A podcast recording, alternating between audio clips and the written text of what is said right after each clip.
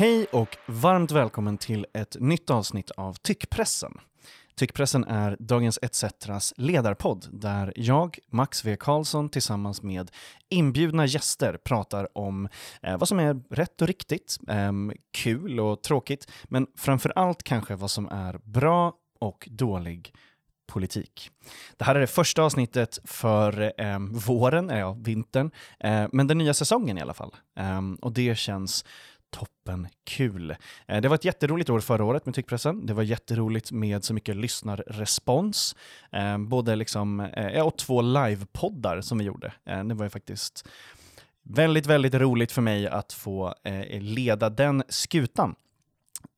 Det här avsnittet har jag döpt till Att sälja samhällsgrej med TikTok-tjej. Eh, och jag sitter som vanligt inte ensam i vår lilla studio, utan med mig har jag en rik flora av gäster. Eh, Selma, välkommen tillbaka till Tyckpressen. Tack, tack. Eh, Irena Påsar eh, från eh, framförallt Veckorevyn, men skriver bland annat i Expressen också. Varmt välkommen. Tack så mycket. Och med oss har vi också eh, praktikant Victoria. Eh, Victoria Garlöfberg, journaliststudent och den här veckan och nästa vecka praktikant på Dagens ETC. Välkommen! Tack så mycket! Det känns jättekul att ha er med. Vi eh, hoppar rakt in i det här. Eh, jag har ingen förfråga den här veckan för att det mm. är så intressant, själva huvudämnet.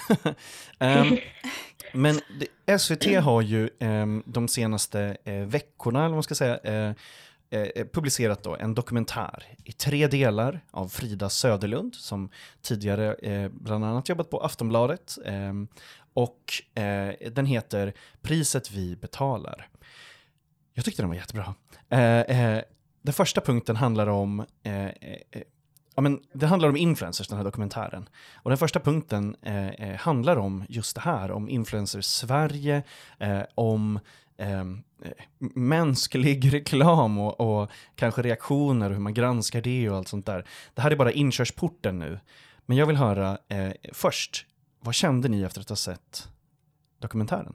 Selma, vad kände du? Jag tyckte också att det var en väldigt eh, bra dokumentär. Um, framför allt, alltså framför allt att den gick på SVT typ. För, för, för mig som ändå är ganska ung och liksom har vuxit upp ganska mycket med influencers kanske det inte var jättemycket helt ny information. Men det kändes ändå som att så här, det var förpackat på ett väldigt kraftigt sätt och alltså jag tänker att den målgruppen om eller i, i och med att det är en så himla stor kanal så känns det som att det finns potential för äldre generationer att verkligen få en inblick i en värld som de kanske inte riktigt har förstått sig på tidigare. Och det, alltså det tyckte jag kändes väldigt eh, bra och viktigt med, med den här. Linjär tv still undefeated. Det är ju så fortfarande liksom att vad som än visas på, i liksom public service blir alltid så här, det största någonsin. Exakt. Eh, alldeles typ oavsett vad det är. Eh, ja. um, Victoria, vad säger du? Du eh, såg de här, du fick förbereda dig lite eh, snabbt, men, men du binge-watchade hela. Ja, på en kväll liksom. Varför? Varför gjorde du det? Nej, men jag har ju inte jättemycket inblick i influencers och jag vet ju inte liksom vem man ska följa. Så för mig var det liksom så här, oj, shit, är det här en grej liksom? Och, och eh, alltså inse att de här ja, liksom har liksom 300 000 000 följare. Mm. Och att de har det nästan essentiellt på liksom, av ytliga grunder. Det för mig var typ ett fenomen. Mm. Eh, men samtidigt så här, alltså vad det fick mig att känna, det var ju typ alltså väldigt kluven. För att liksom, ja visst man vill ju vara en typ översittare och bara nej men jag skulle aldrig göra det här. Men att se att de får så otroligt mycket så här, positiv respons bara genom att spendera några tusen lappar på fillers. Då blir man ju så här, ah shit vad, vad nära jag är till det liksom. Det, Gud ja. Typ. Gud ja. Gud, det var, ja, eh, intressant. Irena, vad, vad säger du? Nej, men, eh, jag tyckte också mycket om den och jag tycker att det liksom, eh, den har varit en viktig så här, demokratisk insats, lite som Selma var inne på, för att få äldre att, att förstå och kanske ge dem en möjlighet att prata med sina döttrar, alltså om de är yngre, eh, om det. Alltså det är liksom en bra, jag tänker att det skulle kunna vara ett bra så här, diskussionsunderlag i högstadiet, i skolan typ. Um, sen så vet jag inte hur mycket liksom, eh, vikt man kan fästa vid det, men, men det jag tyckte var eh, liksom, intressant i den var hur nära man fick komma och se hur eh, påverkade de här tjejerna själva är av influencers de följer. Men mm. att de hade ganska mm. svårt att se sin egen roll i hur de påverkar sina följare. Alltså det blev lite så här, eh, det tycker inte jag har riktigt visats innan. För att jag upplevde ändå att det, det kanske inte sades rakt ut, men, men det fanns genomgående att de har ju också hamnat i den här världen för att de har sett andra på TikTok, liksom andra stora stjärnor. Den här tjejen, jag minns inte vad hon heter, men vars dröm att säga upp sig från H&M och börja jobba heltid som influencer. Det var så himla intressant. Hon är ju jätteinfluerad av andra influencers. Men att de själva har ganska svårt att ta ansvar upplevde jag för, eh, för sina egna eh, följare. Och där hade jag velat gräva ännu djupare, men det förstår jag att man inte kan kan, alltså det kunde ju inte Frida göra såklart.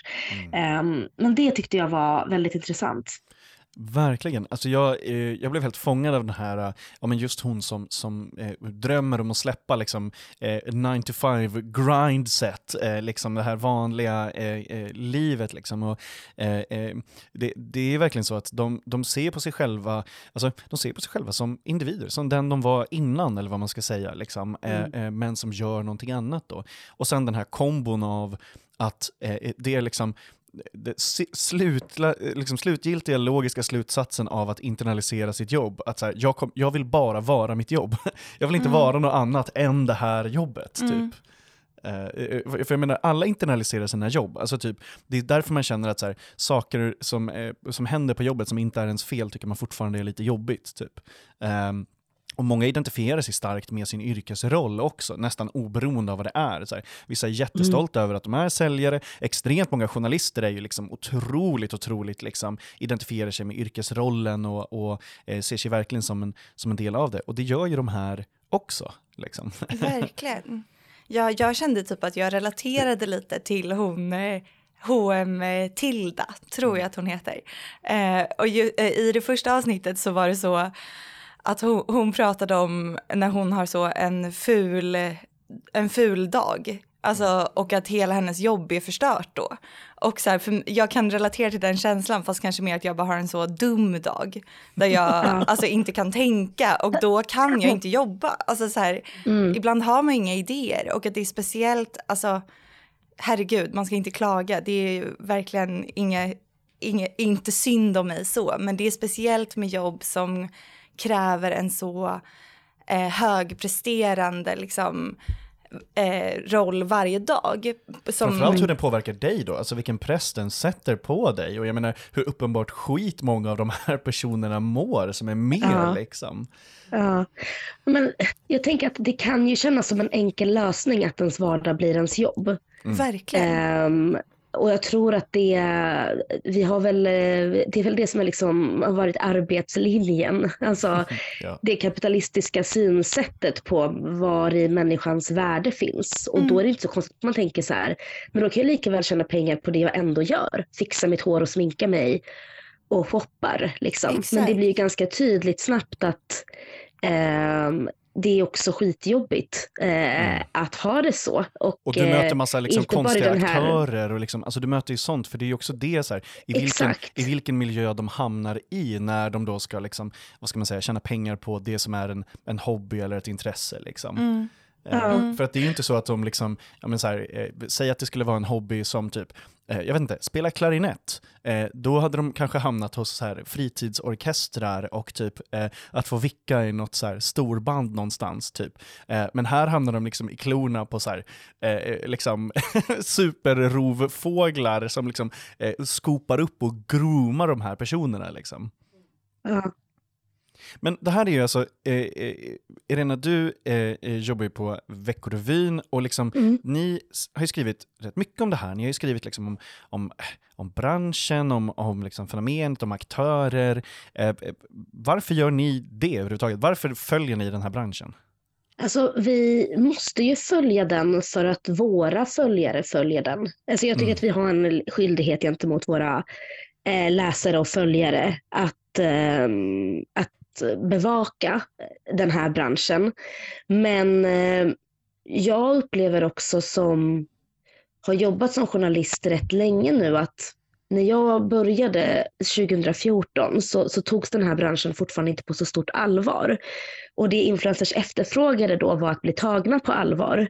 Mm. Och nu upplever jag att de blir tagna på allvar och granskade som man granskar företag då vill de inte riktigt det längre. Alltså, att man, alltså det var be careful what you wish for lite grann. Eh, att vi hade ett sätt att se ner på influencers som fortfarande lever kvar i allra högsta grad men kanske blivit, det har ändå blivit en mer professionaliserad liksom, syn. Verkligen, och med eh, byråer och liksom själva branschen också, alltså typ så här, byråerna som har funnits i flera år nu och sånt där, det har blivit Exakt. professionaliserat. Ja, fortsätt, förlåt. Ja, och att medierna ändå har, har steppat upp liksom. Mm. Eh, men då upplever ju de här, men men jag är bara människa. Liksom. Och det är ju, det är ju någonstans där det blir ett, ett problem för att eh, du, du driver ju ett företag mm. men det företaget hade ju inte funnits om inte du sålde din person varje mm. dag i sociala medier. Um, och jag vet, det har ju uppstått en diskussion senaste veckorna om att så här, nej, influencers har inte alls någon reell makt. Eh, vilket jag är lite förvånad över den, att det var det vi skulle prata om liksom början av 2023. För alltså att jag är helt övertygad om att de absolut har en reell makt och ett reellt inflytande och att de bör eh, granskas eh, på det sätt som andra granskas och då ska man ta hänsyn till hur stora de är, eh, hur mycket de engagerar, hur mycket pengar de tjänar.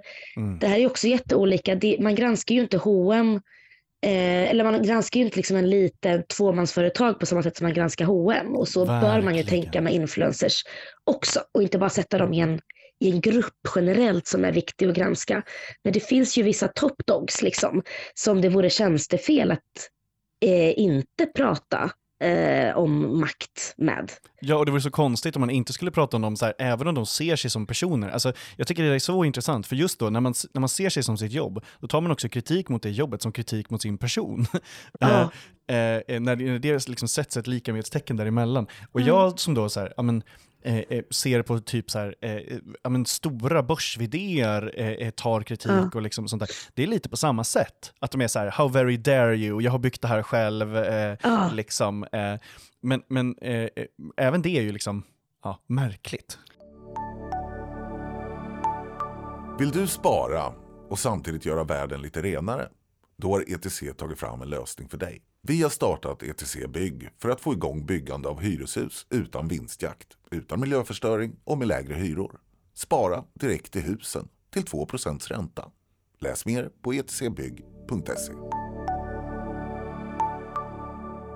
Men jag kan också, alltså det tyckte jag var väldigt intressant. Eller jag kände med den här dokumentären att jag ändå blev lite mer tveksam till om man verkligen ska se alla influencers som mm. makthavare. Alltså, för att det, det Frida gör är att hon fokuserar ganska mycket, alltså även fast många har flera hundratusen följare så är det en grupp influencers som inte är de största. Just det, inte grädden. Nej, eller det, det Nej, är min precis. bild av det i alla fall. Mm. Alltså många har ju till exempel, många som skildras i dokumentären har ju tidigare varit med i Paradise Hotel de kanske kommer från en lite mer så här ful kulturbakgrund. Om man, om man får uttrycka sig så. Du får det. och, och det tycker jag också kommer med en annan förståelse. Alltså också de här operationerna som den handlar, vi kanske kommer komma in mer på det sen. Men att det är liksom en typ av influencers som inte har jättemycket att göra med typ Therese Lindgren eller de mm. sådana Bianca Ingrosso, Big Shots-gänget. Men det är väl lite som, alltså, det, det är ju, eh, känns det som i alla fall, eh, vi ska gå in på den andra punkten, men, men det känns som att det är med eh, samma sak som typ med matleveransföretag. Alltså att en stor del av marknaden är mättad, där några tjänar pengar och så 99% gör typ inte det. Mm. Eh, alltså mm. att, att, det blir ett sånt eh, supergap mellan det. Liksom. Eh, och här kommer vi in på det här, då, för att jag vill fråga er, liksom, vad, så här, vad är då en influencer idag? Så här, tänk jag, jag tänker att Dagens ETCs läsare kanske inte har eh, stenkoll alltid på det. Eh, våra lyssnare kanske har lite mer koll, men jag skulle vilja att vi liksom, ja, men, eh, berättar vad en influencer faktiskt är. Eh, kanske lite om hur den rollen har, har eh, förändrats. Men liksom, vad gör influencers om dagarna? Eh, om du, eh, Victoria, vill du säga, vad, vad tänker du att influencers gör om dagarna? Uh jag vill passa mig lite vad jag säger, men alltså de, alltså de stagear ju ett liv essentiellt eh, och filmar det. Eh, och det är väl liksom det som blir produkten, att liksom okej okay, men här vaknar jag till en perfekt chai bowl och en cappuccino eh, och går på något lyxigt gym och shoppar och, och att det, det är eh, det de målar upp eh, och på så sätt sätter liksom en ribba för, för sina tittare. Att Säljer det perfekta livet typ. Precis liksom. Eh, eh, och... Eh, Varför säljer du då tror du? Alltså var det liksom, var, ja. Ja. I och för sig, så här, ja, vem vill inte ha ett perfekt liv? Men liksom, ja. Eh, ja, men de har ju följare. Alltså de har ju följare. Och det är ju liksom en visuell uppbackning. Att liksom, okay, men det, här, det är så här många personer som, som tycker att det här livet är bra. Helt plötsligt får vi statistik på det. Så om jag lever likadant, då får ju jag lika mycket. Och då blir jag lika omtyckt. Att det liksom finns någon omtyckt faktor i det. Liksom. Att det är väl det liksom alla vill vara. Mm. Eh, och att det, att liksom, det väger tyngst. Mm. Men Irena, hur, du som ändå har följt de här länge, då, liksom, hur, hur har rollen som influencer förändrats? Om vi ser det från starten, du var lite inne på att liksom bilden av själva yrket har förändrats i samhället, men hur har liksom själva rollen då förändrats, skulle du säga? Det har väl eh, blivit mer eh, företag. Alltså om vi pratar de här som är grädden, mm. så är det ju så att de driver några av Sveriges, eller ja, inte några största bolagen, det är väl kanske framförallt Bianca Ingrosso då, som, som är topp där. Men, men många av de här har ju, menar Kinsa har ju haft sina bolag, eh, Margot har ju sina bolag, eh, Petra Tungården, eh, Michaela Forni, ursäkta, och de tjänar ju bra med pengar på det. Så det, är inte, det är inte längre liksom bara då bloggen och den egna personen utan att man faktiskt utvecklar eh, konkreta produkter som går att sälja som är kopplade till eh, det fluff man sålde innan. Och fluffet är då kanske eh, sin själ, liksom. eller vad man, ska, vad man ska säga. Det är typ själ, alltså såhär, vadå? Det, det är typ själ. Såhär, vad, vad, skulle själen annars ja. vara än typ såhär, det man tycker och ens minnen och det man gör typ? Eller såhär, ja, det men blir precis. Typ det. men exakt. Eh, men jag tror också att det har ju blivit det de gör om dagarna skulle jag säga är väl, alltså majoriteten måste ju vara olika typer av admin mm. och mail. Alltså de här samarbetena som ska planeras, fotas, klippas, eh, kvitton. Flera av dem har ju assistenter. Mm. Alltså det är ju mer som ett vanligt jobb, alltså som att vara eh, en egenföretagare. Mm. Och där, som jag är egenföretagare, där produkten kanske blir då eh, några inlägg på Veckorevins Instagram och en krönika i Expressen så blir det för dem också några inlägg på Instagram och ett, och ett blogginlägg. Mm. Eh, så på ett sätt är väl rollen ganska lik andra typer av, eh, av yrken. Men man har ju så otroligt mycket större press tror jag än de flesta. Mm. Man har ju så otroligt mycket att förlora. Eh, mm. Och det, för det där är någonting som jag också känner igen mig i när jag pratar med eh, stora influencers att det enda de har är ju i princip sin trovärdighet. Mm. Eh, och det är samma för mig. Om jag, är, jag har liksom byggt min karriär på att vara profilerad i frågor som rör feminism och antirasism. Skulle jag begå ett misstag så, så skulle jag tappa hela den valutan. Liksom. Och för dem är det det gånger tio. Liksom. Mm. Så det måste ju vara ett extremt eh, stressigt jobb och kanske därför man också bygger de här bolagen vid sidan för att liksom säkra upp det. Eh, jag kan tänka mig att det är liksom skönt för Petra Tungården att ha Adore att falla tillbaka på. Alltså hennes, hennes klädmärke eller Michaela Forni som har eh, sin app liksom, där hon har 14 anställda, en sån här mm. bebis, uh, bebisapp. Jag minns inte ens vad frågan var. Jo, hur, hur det har förändrats.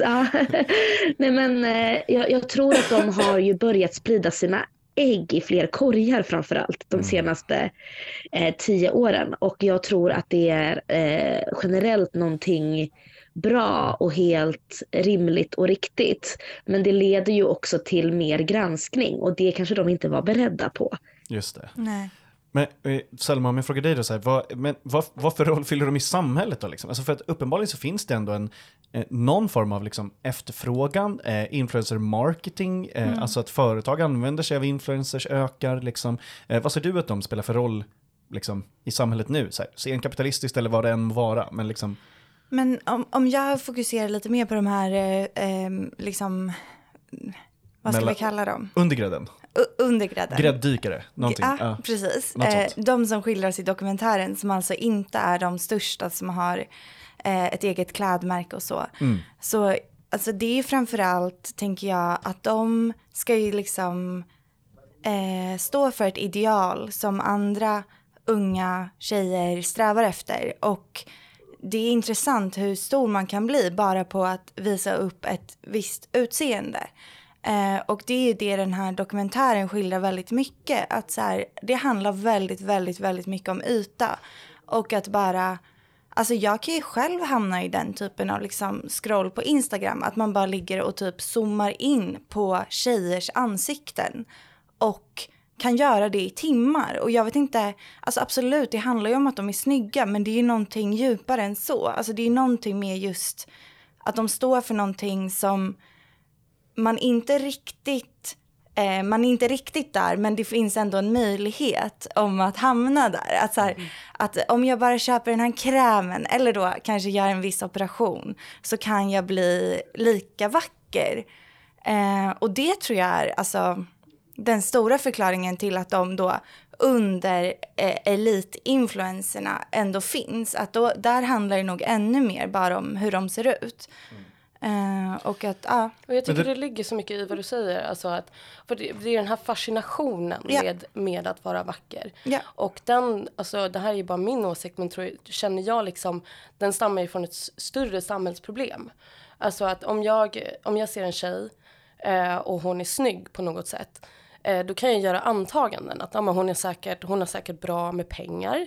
Hon är säkert snäll. Hon har säkert mycket vänner. Hon är säkert lycklig. Hon är säkert lycklig. Och att bara, bara då baserat Mm. på hennes utseende så har hon ett bättre liv än mig.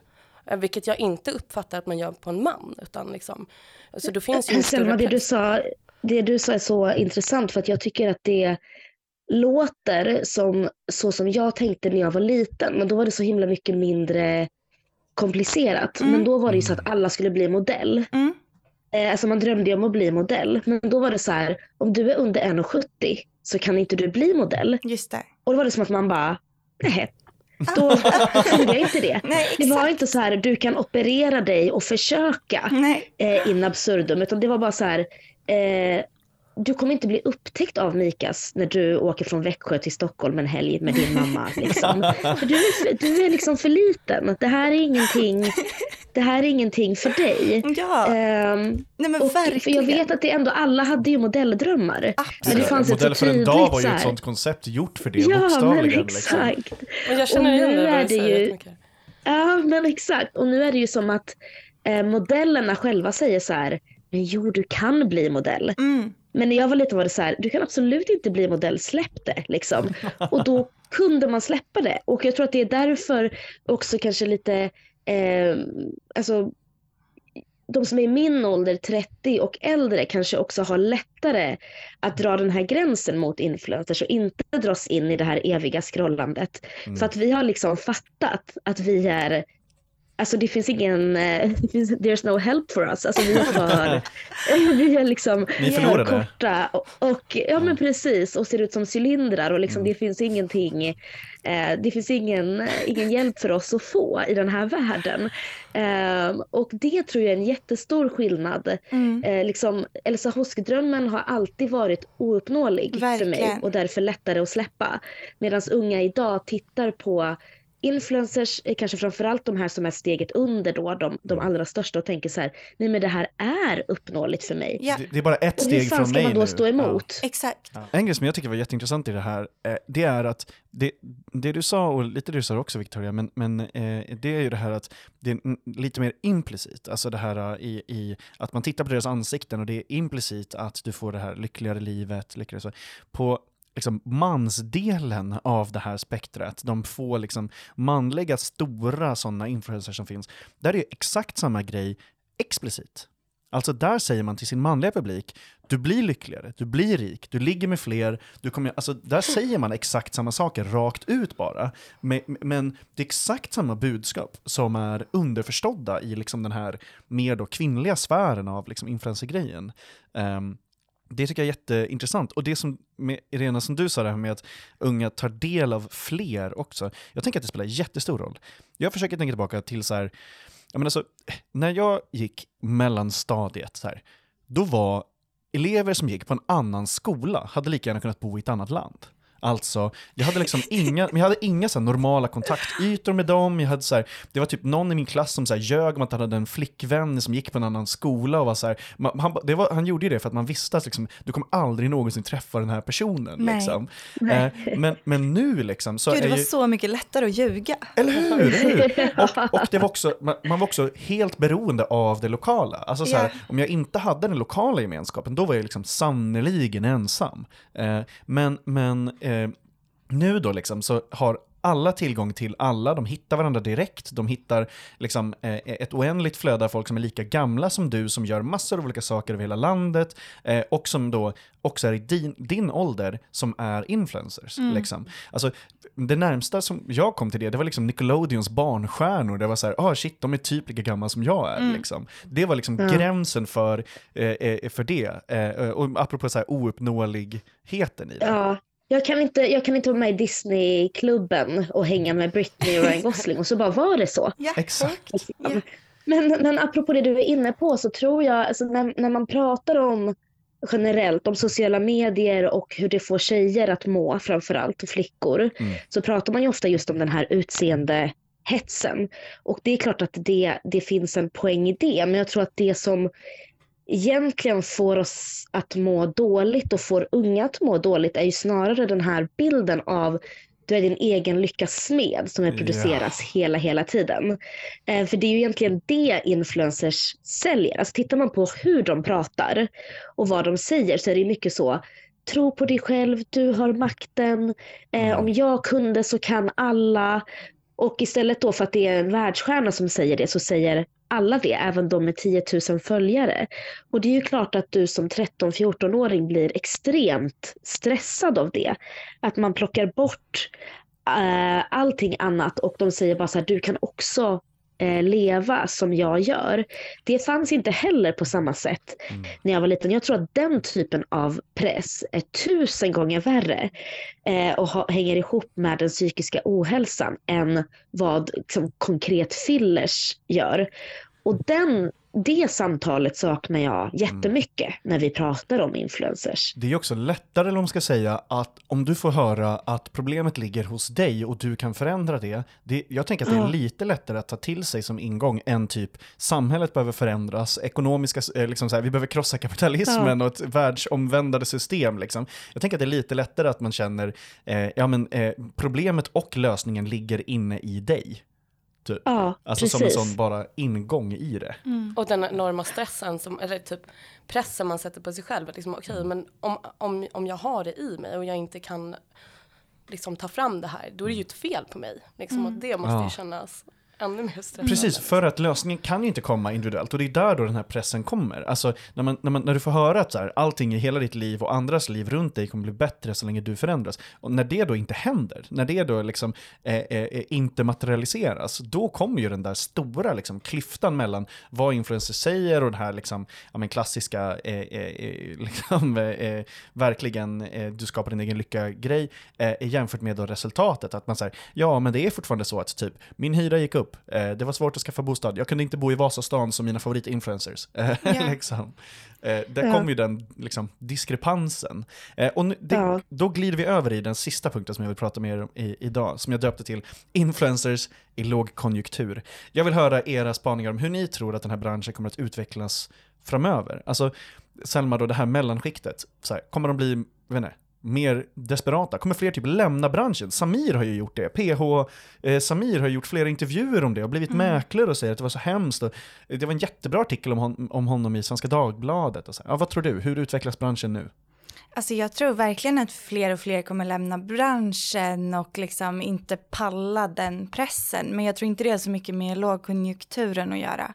Alltså jag bara minns från när jag var så 14-15, det, det finns något så här, alltså det finns en urkraft i en ung tjej som typ vill ha, jag vet inte, en, ett visst eh, märkesplagg eller typ jag ville jättegärna ha en navelpiercing.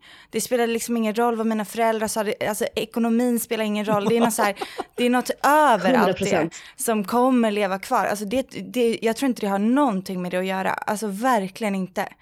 Men vad är det som förändras då? Vad är det som kommer förändras? Liksom? Varför kommer det bli fler före detta, eller vad man ska säga? Ja, Men alltså, det, det finns en väldigt intressant eh, scen i den här dokumentären som vi kanske kan spela upp. Eh, där de sitter och de är på någon slags event. Och eh, det är den här Tilda och någon kille som sitter och pratar och så säger de Alltså det, hur fett är det egentligen att vi typ får åka på sånt här? Eller att vi har den möjligheten? 1% people. Dricka hundra till såna här. Och det är, så, det är ganska fult, de ser ut att ha ganska tråkigt, alla sitter med sina telefoner.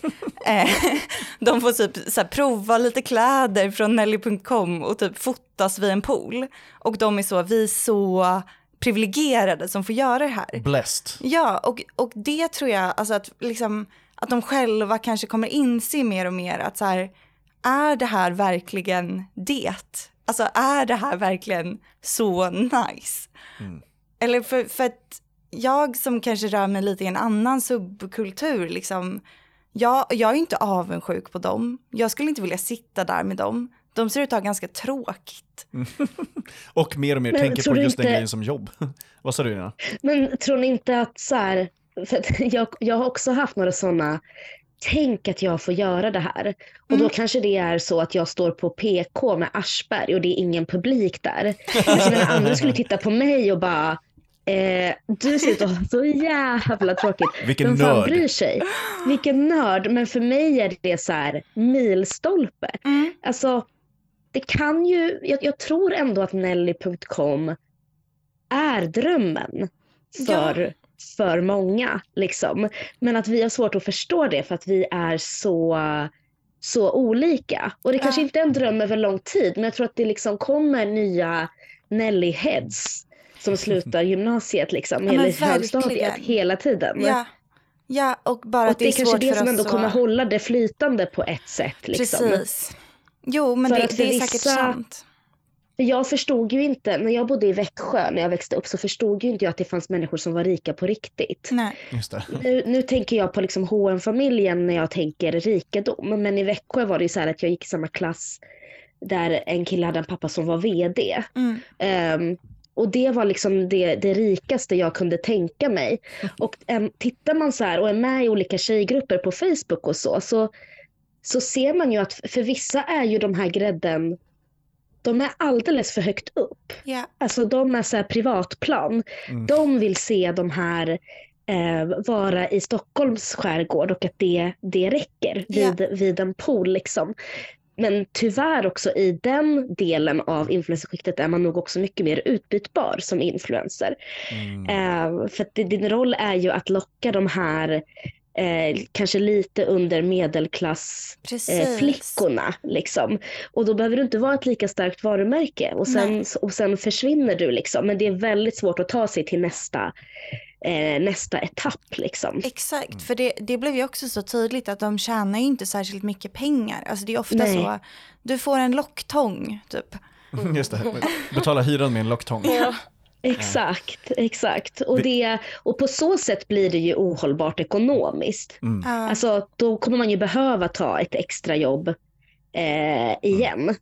För att det finns ju jättemycket pengar i influencerbranschen men det är ju också utspritt på extremt många personer. Mm. Liksom.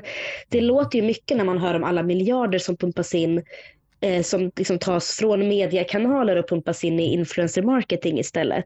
Men sett till hur otroligt, alltså jag tror inte ens jag känner till en procent av svenska stora eh, influencers. Nej, gud Sett nej. till hur det fördelas så är det ju ingenting man blir rik på. Det är ju extremt få. Eh, och ju, ju äldre man blir och när man börjar skaffa familj och sådär så, så blir det ju svårt liksom att, att livnära sig på det. Gud, det är, liksom, det är en modern variant av liksom när arbetare fick betalt i sprit och dog av det istället för att kunna typ betala hyran och sånt där. Alltså, Ja, så här, ja, men det är faktiskt. verkligen- 100 procent. Det är verkligen. Eh, Victoria, vill du eh, våga dig på någon framtidsspaning? Hur tror du att eh, influencers, eh, tror du att det blir färre nu? Hur tror du att, det, eh, liksom, hur tror du att branschen utvecklas? Alltså jag vill väl kolla på det från det andra perspektivet till att vad vi tycker om att kolla på. Och liksom så här, Ah, alltså, de, alltså sociala medietrenderna. Alltså nu ganska nyligen eller har ju kommit den här nya appen Be Real. Och jag tror att det finns eh, en efterfrågan av det här ofiltrerade. Och att liksom allting kommer och går i trender. Och det såg man ju i slutet på den här, på den här eh, dokumentärserien. Liksom att okej men det skulle vara stort. Nu, nu är heroin chic back. Nu ska allting ut igen liksom. Och jag tror att Du kanske... ser, vänta, förklara heroin chic för våra lyssnare. Du måste göra det. Det är alltså heroin, heroin chic. Eh, vad, vad är det? Ja men det är liksom så här eh, undernärt på gränsen till döden-mode. Eh, som var poppis så här, början på 2000-talet, så här Kate Moss-trenden. Eh, men jag tror att, jag tror att, eh, liksom att sociala medier går i trender också. Att många vill ha det här osminkade nu. Nu ska man, nu ska man inte ha så himla mycket. Och att det, det kan man också se liksom att förut så postade man mycket bilder. Nu är det bara stories. Och eh, kan det då bli att ja, nej, men man, vill inte ha det här influencer utan man ska vara lite mer privat? Finns det kanske en trend där? Jag vet inte. Ja men det är jätteintressant. Och det är ju liksom hur marknaden reagerar på det då. Och liksom, så här, det är svårt att sälja en plattång om ditt hår inte ska vara liksom superfixat till exempel. Alltså så här, i de grejerna. Det är svårt att sälja smink när man ska vara ofiltrerad. Ja. Eh, det, det är jätteintressant. Eller det är svårt att vara offentlig om det är populärt att vara anonym. Ja, verkligen. Verkligen. Och ha låsta konton typ. Det är, ja, varenda kid har låst Instagram-konto idag. Och typ ett inlägg och postar bara stories.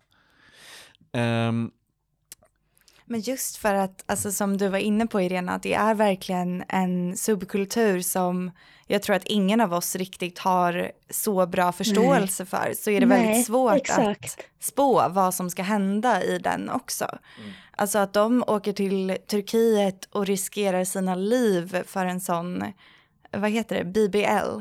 eh, en rumpoperation. Där man sprutar fett från kroppen in i rumpan för att göra den större. Ja, En Som Kanye livsfarlig. Wests mamma dog av faktiskt, en sån Ja. operation. ja. Alltså Donda, det är helt sjukt. Ja. Eh, det, det är liksom, alltså det är det sista jag skulle kunna tänka mig. Alltså inte bara för att jag är rädd för operationer utan också för att jag tycker det är jättefult att ha en sån kropp. Och det är så här, det säger ju någonting om hur olika ideal vi har liksom. Hur du skär dig mot marknaden.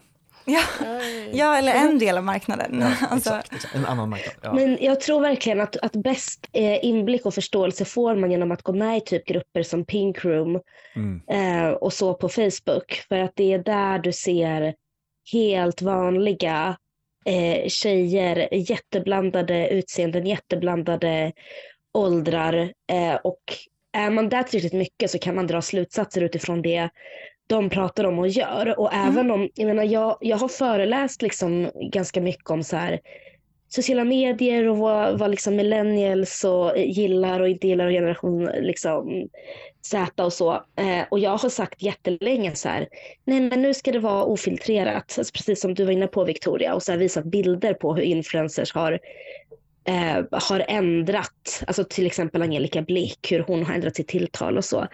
Eh, men återigen så tror jag att det är det vi ser i toppen av isberget. Där nere är det fortfarande TV4-lockarna som, Ja. som gäller. Liksom. Eh, och att det är så mycket mäktigare eh, än, vad vi, än vad vi tror. Liksom. Det här, eh, eh, det här var jätte, jätteroligt att prata om. Jag hade kunnat prata om det här i fyra timmar till. Ja, minst. jag med. Ja, eh, Ja. Men, men det här får vara eh, startpunkten. Vi brukar alltid avsluta tyckpressen med att våra kära gäster får eh, tipsa om någonting, precis eh, eh, vad de vill. Men jag kan väl fråga dig först, eh, Irena, vad, om man vill följa Veckorevyns arbete mer, vart gör man det bäst någonstans? På Instagram skulle jag säga. På vår Insta. Där kan man också bli Patreon. Tada! Grymt. Jag är så dålig på att göra reklam för mitt eget lilla företag.